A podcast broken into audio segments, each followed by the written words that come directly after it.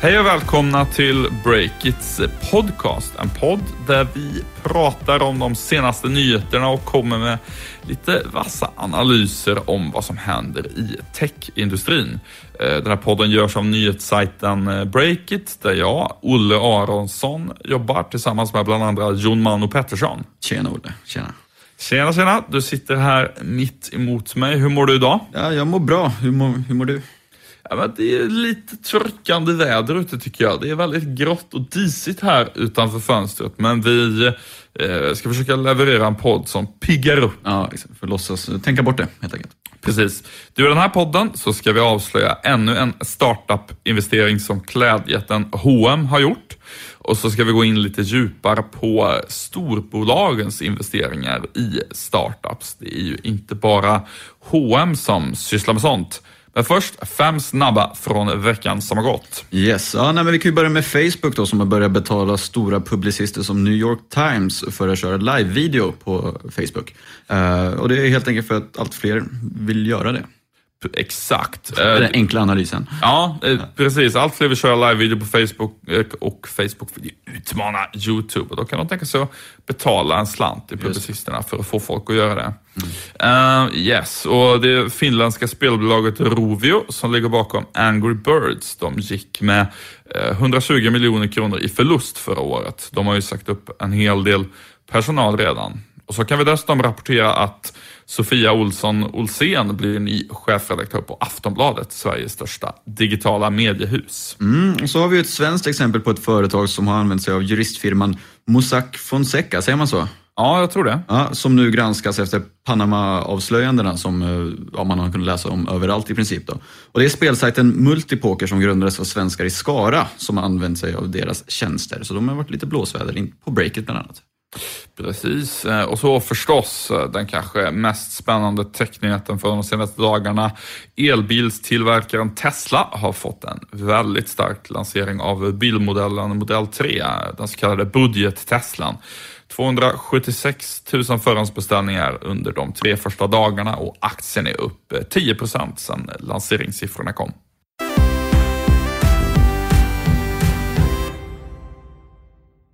Vi sponsras denna vecka av Telias stora kundevent, Telia Connect to Business, som går av stapeln på Waterfront i Stockholm nu på måndag.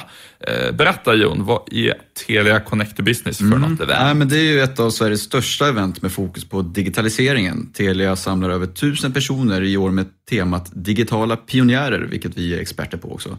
Och under dagen kommer man gå på djupet kring frågan hur digitaliseringen egentligen påverkar det svenska näringslivet. Så är det. Eh, och vi på Breakit eh, bidrar faktiskt också en del till programmet genom ett eh, livesänt webbmagasin i tv-format. Dit har vi bjudit in några av Sveriges vassaste tech-entreprenörer som vi kommer att intervjua. Just det, och de här intervjuerna och resten av programmet kan du titta på live under dagen via eventets egen sajt, telia.se c2b. Det får du inte missa. Vi tar adressen en gång till. telia.se c2b. Precis, Cesar och, och B. Ja, Cesar 2 Bertil, så att Bertil, säga. Eh, tack Telia för att ni sponsrar veckans avsnitt. Tack, tack. Vi ska köra en genomgång på det som eh, på branschspråk kallas för corporate VCs, alltså vanliga storbolag som inte är riskkapitalister eh, som investerar i eh, startups ändå. Eh, det har ju hänt en del i, på det området nu i veckan. Vi börjar med H&M Jon, vad har hänt där? Ja, H&M har ju den senaste tiden positionerat sig som en minst sagt eh, kapitalstark investerare på den svenska techscenen. Eh, bolaget har ju tidigare investerat hårt i rabattkodsappen Wrap och de har investerat i Sellpy som är en startup här från Stockholm som hjälper användare sälja sina kläder på nätet, begagnade kläder, via Tradera till exempel. Och sen har de också investerat i stjärnbloggaren Kensas hemlighetsfulla startup Ivy Revel. Mm, ja, det var lite intressant där. Kansas som vi skulle kunna skriva om i veckan. Eh, vad, vad, vet vi egentligen om vad H&M vill med sina investerarplaner? De har ju varit rätt hemlighetsfulla hittills. Mm. Nej, men fram tills igår så har vi väl inte vetat så mycket förutom de slutsatser man kan dra av nyheterna som vi rapporterat om. Man har ju sett vissa röda trådar.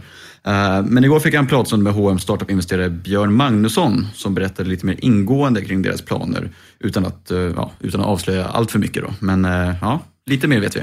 Ja, intressant. Det är Björn Magnusson ska vi säga. Han mm. var tidigare affärsutvecklingschef på firman där och han eh, var, låg bland annat bakom skapandet av KOS tillsammans med ett gäng andra hm chefer Vad sa han till dig då? Nej, men som man, kan ana då, eller som man kunde ana så vill ju H&M investera i sektorer med koppling till sin bransch, eh, vilket är kläder och mode helt enkelt. Och denna nisch har de i sin tur delat upp eh, på tre ben som han beskrev det. Och det är hållbart mode, vilket till exempel Sellpy kategoriseras under för de hjälper till att återanvända kläder. Sen har vi ohållbart mode också, ska Precis. de investera i det med? Nej men det gör de ju redan. men sen innovativ retailförsäljning, där till exempel Kensas hemlighetsfulla Ivy Revel ingår. Och vi ska prata lite mer om det bolaget snart, men det, ja, det, det ska vara innovativt i alla fall, så mycket vet vi. Mm. Och sen eh, tekniska verktyg med koppling till branschen, så som exempelvis Wrap som har rabattkoder som H&M förhoppningsvis ska kunna använda. Uh, ungefär så. Det låter väldigt spännande. Det är som att de verkligen um, har tagit liksom ett strategiskt grepp om vad de ska göra och inte bara att de skvätter ut lite, lite här och var. Du, vad vet vi om den här cancersatsningen?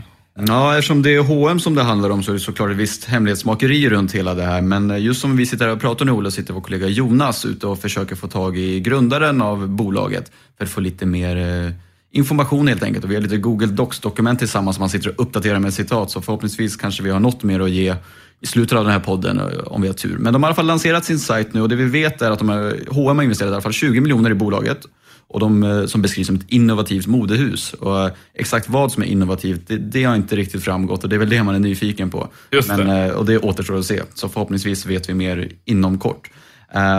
Men, men vad jag ändå anar så är att man vill använda sig av någon form av influencer som Kensa till exempel och bloggprofiler på något sätt, tror jag i alla fall. Och sen har man utvecklat något, man berättar idag att man har inlett, startat något som heter Fashion Tech Lab som ska utveckla smarta tyger och kläder Uh, exakt vad det konkret kommer att inleda till, det återstår ju också att se. Men det är någon form av innovativ, eh, innovativt klädhus, klädsajt. Eh, vi kanske vet mer om det, detaljerna där i slutet av podden då med tanke på att vi har ja. realtidsdokument där Jonas det, öser in en ny information. Det är puls i den här podden. Verkligen. Ja. Eh, men du, apropå H&M och deras riskkapitalinvesteringar, du har ju grävt fram en, en helt ny nyhet på det temat också. Ja, precis. H&M har ju, kan vi avslöja nu, att i det tysta investerat i det brittiska klädtechbolaget Worn Again, som då är engelska uttrycket för återanvänt. Eh, och det är ett bolag som utvecklar teknologi för att återvinna kläder helt enkelt. De tar gamla råvaror och skapar nya textilfibrer. Eh, och bolaget är i ganska tidig fas och det är alltid lite hemlighetsmakeri runt det också, vad det ska bli och hur de ska tjäna pengar. Men eh, baserat på det Björn Magnusson sa till mig tidigare om det där med tre ben och hållbarhet till exempel, så känns det som ett bolag som passar ganska bra in i H&M's profil. Eh, och de inledde ett samarbete redan förra året, men nu svart på vitt så har de faktiskt investerat pengar. Hur mycket går de in med i eh, Warn Again då? Mm, nej, exakt hur mycket det är har ju H&M själva inte velat bekräfta eller kommentera, men eh, de dokument som jag har kommit över verkar i alla fall röra sig om ungefär 7,5 miljoner kronor och motsvarande. Men som sagt, det är inte bekräftat av H&M men, som men det är inte dementerat heller? Inte dementerat heller, så Nej. vi får väl anta att det stämmer. Ja, men förstår, väldigt intressant tycker jag. Spontant kan jag tycka att eh, det, man förstår mycket bättre när man får den här indelningen du nämnde. Alltså eh, tekniska verktyg med koppling till branschen, eller innovativ retailförsäljning eller hållbart mode. Mm. Då fattar man lite mer hur, hur H&M har tänkt. Innan har det känts lite grann såhär, jaha, vad, vad vill de med det liksom? Och sen varför de vill göra det här, det kan man väl också ta upp. Det, dels är det såklart att H&M vill ha någon form av avkastning på sina investeringar liksom, finansiellt. Men sen också har de betonat att de vill jobba nära entreprenörerna och få ett utbyte där och liksom få in lite innovation i sin organisation utifrån. Eh, så det är, väl, det är väl framförallt den stora uppsidan för H&M att få ja, nosa lite på entreprenörsvärlden. Men om vi ska fortsätta Olle, vad har vi fler för exempel på corporate VCs som vi skulle kunna ta upp? Ja, H&M är ju inte ensamma om att hålla på med det här. Eh, vi har en rad exempel. Vi har SCB som har kört SCB Ventures. De eh, har bland annat investerat i iSettle. Eh, Nordea har gått in i Wrap, precis som H&M har gjort. Eh, Telia i Spotify, ett väldigt känt eh, exempel. Telia har en del andra investeringar också. Eh, och eh, sen Schibsted, förstås i Lendo, Compriser, en rad andra bolag. Eh, Bonnier också, har gett sig in i en del privatekonomisajter och sådär. Eh, och eh, icke att förglömma MTG också förstås, som ju har stora e-sportinvesteringar och sådär. Det börjar bli ett helt gäng nu. Är det, här, är det en trend vi ser?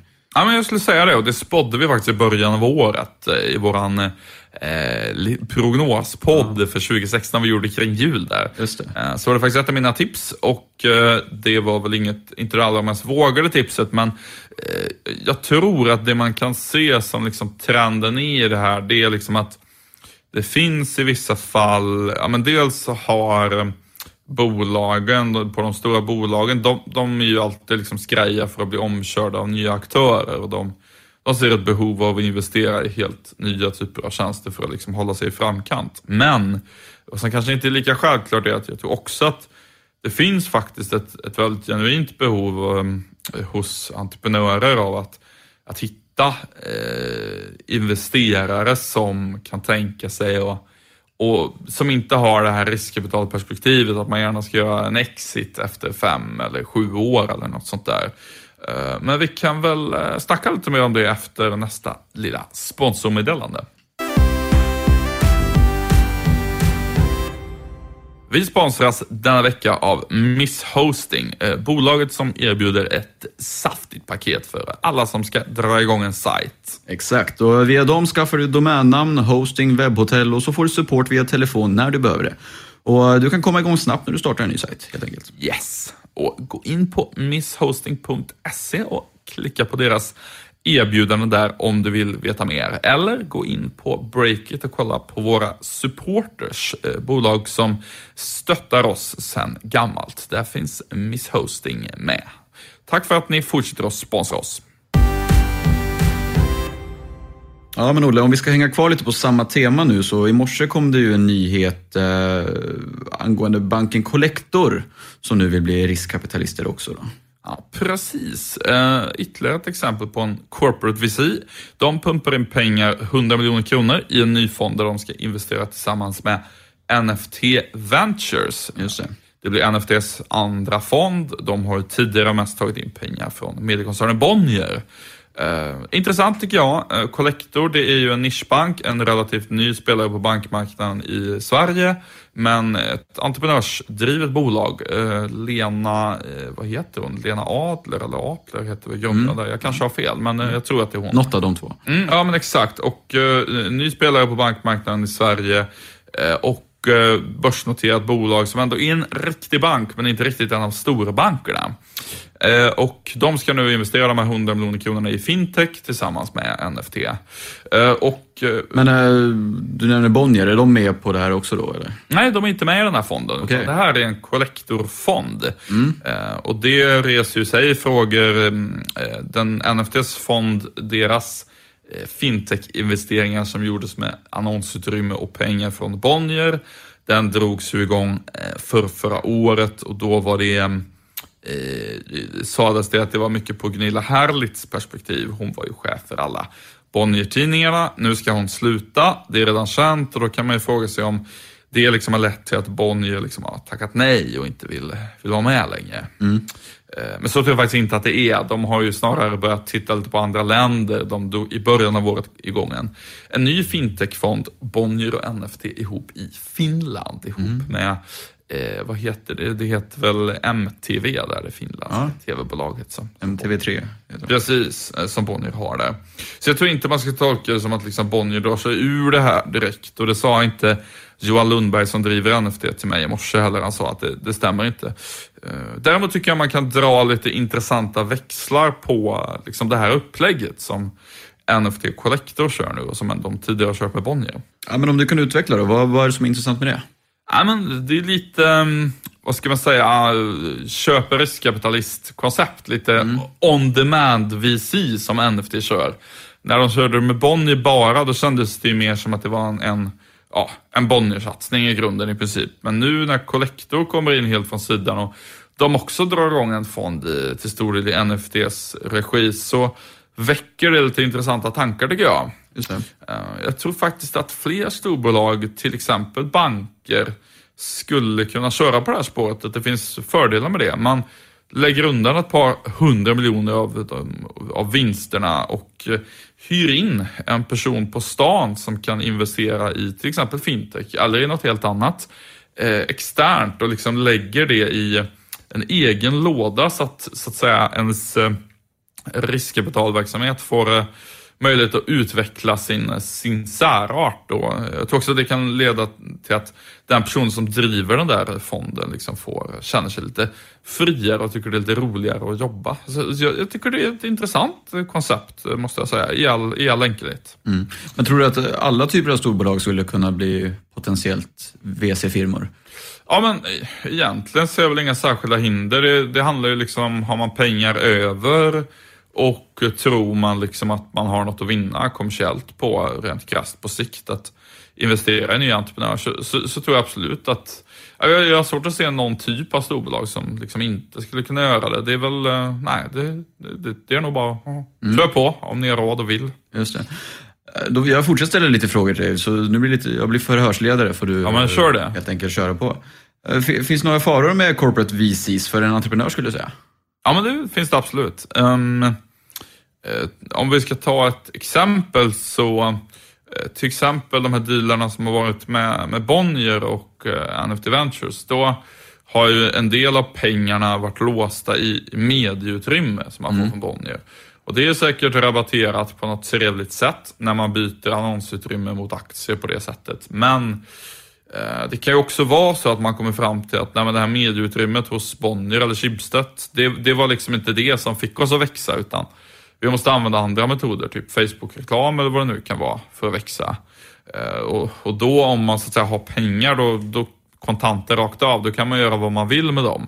Men eh, det finns ju en låsning i det, så det kan vara en risk. Mm.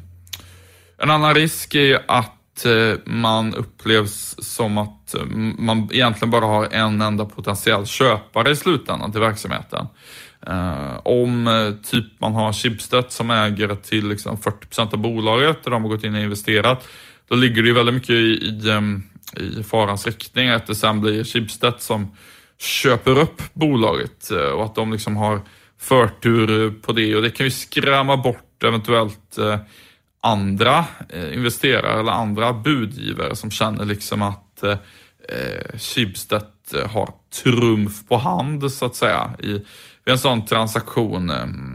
Ja, vi, vi, kan ju ta till exempel eh, Insplanet nu som väl Bonnier är på väg att köpa upp. Det är liksom det, det är kanske lite svårt att se att någon helt annan aktör där skulle komma in och bjuda över. Ja, jag tror helt enkelt det kan skrämma bort vissa budgivare. Mm. Men finns det någon uh, fördel? Ja, men det finns uh, absolut fördelar. Um, till exempel så de här corporate VCs, de behöver ju inte uh, sälja sina bolag inom typ sju år som en riskkapitalist typ Nordson vill göra, sälja eller börsnotera. Uh, sen så tror jag att det finns ett genuint värde i att få hjälp av folk som verkligen jobbar operativt inom den branschen man verkar. Om vi ska ta jämförelsen SEB och Northson då. Säg att Northson investerat tungt i en fintech-startup. Då kan Northson hjälpa till med allt möjligt, liksom rekrytera folk och liksom hur ska man lägga upp sin strategi och sådär. Men eh, vad gäller typ så här finansiella EU-regleringar och allt sånt där krångel, då eh, är det ju ganska självklart att en bank som investerare, ja, Collector till exempel, har ju mycket bättre kompetens på det området, eh, all juridik och så kring finans, än vad en riskkapitalist har. Det, det faller sig ganska naturligt. Eh, så det är en fördel, eller två fördelar då. Det här att de är lite mer långsiktiga och eh, att de förmodligen kan mer om branschen. Just det, om vi ska återkoppla till H&M också, så där hjälper de ju till i iRevel fallet, Ivy Revel heter de, med leverantörskedjor och sådär. Att producera kläder kommer de hjälpa till med, till exempel. Så det finns ju rent konkreta vid sidan av det affärsmässiga också. Så. Ja, verkligen. Och det är ju ett exempel på något som är otroligt komplext i textilindustrin med att ha koll på hela leverantörskedjan, vilka mm. villkor har de som jobbar där, transporter, transporter, miljöhänsyn och så vidare. Mm. Det tror jag H&M är typ bäst i världen på, sådana där saker. Mm. Men äh, finns det några problem då som kan uppstå hos själva storbolaget då, som äh, ska köra igång en egen liten riskkapitalfirma? Ja, det kan uppstå en massa problem, skulle jag säga. Eh, och framförallt skulle jag säga att det handlar om otydlighet som kan uppstå. Ett exempel är ju MTG som eh, åtminstone fram tills relativt nyligen har haft problem med sin eh, digitala verksamhet och investeringsverksamhet. Och de problemen har egentligen bestått i att det har varit ganska otydligt vad MTG egentligen ska hålla på med med sina investeringar. Eh, det kanske, eh, det framstår nog som ganska tydligt nu. De går in jättetungt i e-sport och så, men för ett par år sedan när de lanserade MTGX som blev liksom en kombination av ja, digi, eh, vad ska man säga, inkubator slash riskkapitalbolag slash eh, lekstuga för utveckling av nya digitala produkter. Eh, då skar det ju sig ganska rejält eh, internt där på, på MTG. Eh, det handlar ju dels om att man i den traditionella tv-verksamheten hade ganska tuffa nedskärningar. Där behövde man spara. Samtidigt som eh, man hade så lite roliga lek och experimentprojekt inom MTGX. Så det var lite för roligt att jobba där tror jag kanske. Mm. Eh, kontra att jobba i den traditionella verksamheten.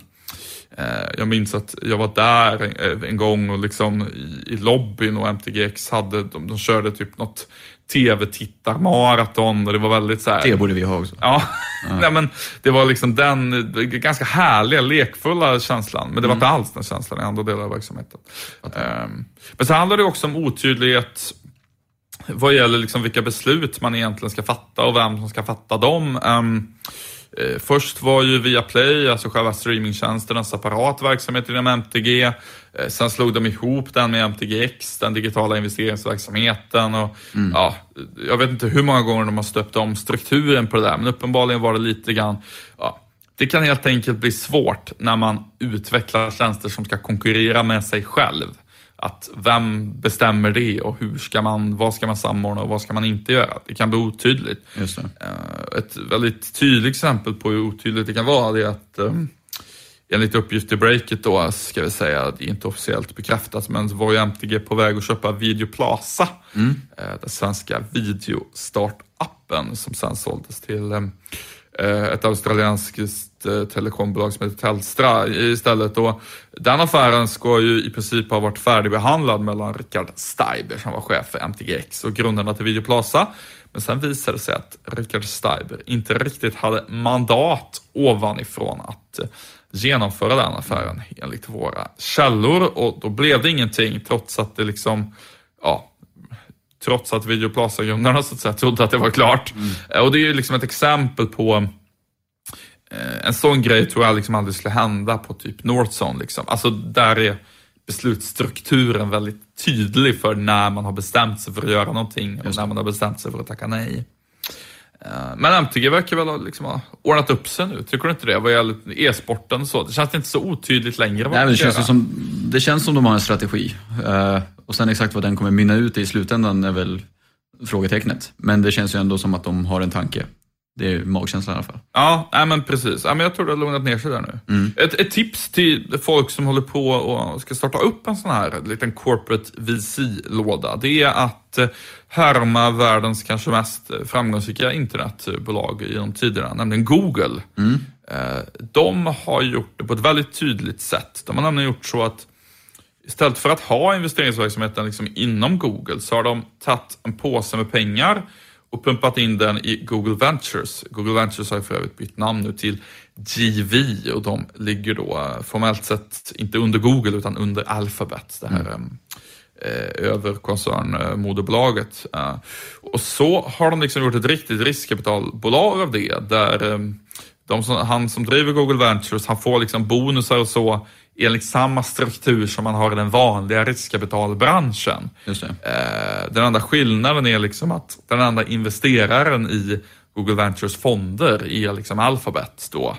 Eh, de har inte andra investerare, men det kan vara en fördel också. Alltså, de är ju mer långsiktiga förmodligen, kan investera på typ 15 års sikt snarare mm. än, än Men finns inte risken att man tappar röda tråden lite grann eh, om man lägger det externt så att säga? Har H&M det internt så är det ganska tydligt vad H&M vill ha lägger man det som en helt eget bolag så kanske det blir lite mer lite ja. spritt, tänker jag. Nej, men absolut. Det, det, finns ju ett... Eh, jag tror att det handlar om att man måste bestämma sig för är det okej okay att det är en verksamhet som konkurrerar med oss själva? Mm. Eller ska det bara vara en kompletterande verksamhet? Vad gäller typ Google Ventures tror jag det är ganska tydligt att de får investera i liksom, ja, nästa generations ja. sökmotor. Liksom. De skulle nog få göra det. Eller mm. liksom mm. Totalt andra saker som inte ens har med Googles verksamhet att göra men som jag tror är en bra investering. Uh, och det, det, måste nog vara liksom tydligt och rakt där för att folk både externt och internt ska fatta vad det här är för någonting och, och liksom vad strategin är. Jag, jag, tycker det låter ganska tydligt med, med H&M nu måste jag säga, som att mm. det, det klarnar där. Absolut. Uh, yes, ska vi runda av eller vad säger du? Jag tänkte bara kolla dokumentet lite snabbt. Just det, har det kommit in något i realtidsrapporteringen från Jonas Delange? Uh, ja, det har kommit in en massa text. Uh, det är svårt att värdera ett stort textdokument på en sekund. Ge mig uh, fem sekunder. Ja, men absolut, det, det kan jag göra. Um, då kan jag berätta så här att medan Jon kollar det här dokumentet så Eh, Eh, noterar jag på eh, breakit.ses sajt att eh, Collector och NFT Ventures-nyheten, den ligger i topp där. Och det stämmer, som jag sa tidigare, att Lena Apler heter förstås grundaren till Collector. Inte Adler eller någonting sånt helt annat som, mm, jag kanske sa något fel Lena Apler heter hon i vart fall. Jag har också fått, um, jag tittar här i mina egna anteckningar, så jag skriver ut en, en intervju med Johan Lundberg som driver NFT Ventures som nu ska investera ihop med uh, Collector och uh, han säger väldigt tydligt enligt mina, mina anteckningar här. Jag ska se, jag ska gå in och kolla närmare. Jag gillar att du nästan kan hålla en monologpodd här. Ja, men precis. Nej, men jag babblar på här. Nej, men en ganska intressant grej som jag bara noterade här med eh, per mail från Johan Lundberg, det är att eh, eh, startupsen i, mm, som Collector investerar i via den fonden, de eh, kommer att få samarbeta med Collector och ha dem som en stark bankpartner, säger han. Eh, det tror jag kan vara rätt värdefullt faktiskt. Jag, jag, tror, jag tror faktiskt att det kan vara egentligen en bättre deal än att ha Bonnier som mediepartner. Om man är en fintech-startup och får liksom hjälp av hjälp av en riktig bank på vägen. Det känns ju Spontant tycker jag att det känns mer värdefullt än att ha hjälp av ett medieföretag. Du, du, du kanske borde kört med Collector från början. Eh, hur går det? Har du fått fram någonting? Absolut. Om... Men, men du borde ju typ söka jobb på så Aftonbladet, live-tv och bara hålla monolog och bara uppdatera Twitterflöden. Ah. Lovar ju gott tills när vi ska få någon live-tv någon gång. Ja men verkligen. Vi har ju försökt köra live-tv på, på Facebook lite ja. grann, apropå den nyheten tidigare. Vad har du fått fram om det senaste? Om jag ska inte avslöja allting ur intervjun, men eh, som det verkar, sajten är uppe nu i alla fall på det, Ivy Revel. De ska bara sälja digitala kanaler har jag förstått och enbart sitt eget varumärke, så det är inga plagg i hm butiker eller sådär. Uh, och, han Dejan Subosic, om jag uttalar det korrekt, som är en av medgrundarna där till bolaget, han beskriver dem som en liten experimentverkstad där de ska ta fram nya coola kläder antar jag. Uh, ungefär så långt har jag kommit i det här, så vi får se. Lastbreakit.se så kommer du säkert kunna få en bättre bild än vad jag kan ge just nu. Yes, uh, får se. Jag hoppas att det blir något lite mer påhittigt än blinkande slipsar. Liksom, träningskläder kanske ligger nära till hands där. Så. Eller lite mer exklusiva kläder som är smarta på något sätt. Jag vet inte hur smart kan kläder bli? Vad tror du? Ja, men jag, jag, spontant så tänker jag mig att eh, det, det är den stora förändringen man kan göra egentligen. Det handlar ju mer om att så här, göra kläderna enklare att återvinna. Alltså mm. själva textilierna skulle jag säga. Sen kan man bygga in hur mycket roliga sändare som helst, men, men det tycker jag är liksom the core. Mm. Hur, hur, bra återvinningsbara textilfibrer kan man göra? Så du tror inte på att någon som känner pulsen och när du blir arg så blir tröjan röd och sånt där? Det, det, det känns lite för mycket wearables-hype. Mm. Jag fattar om de gör den grejen, men, men jag tror liksom inte att det är Nej, jag tror faktiskt hit. inte att det är det de håller på med heller om jag ska vara helt ärlig. Men läs breaket.se så får vi mer detaljer där. Yes, eh, vi avslutar den här spännande realtidsrapporteringen då. Eh, vi ska säga att eh, det här spelades in och klipptes av Beppo ljudproduktion. De spelade in det här på länk från Södermalm i Stockholm medan vi sitter här på Riddargatan i en annan del av stan. Fortsätt följa oss på Twitter, kolla in nyhetsbrev och så vidare för att följa alla våra nyheter. Annars så tackar vi väl för oss för den här veckan med det. Ja, tack så mycket. Hej då! Hej.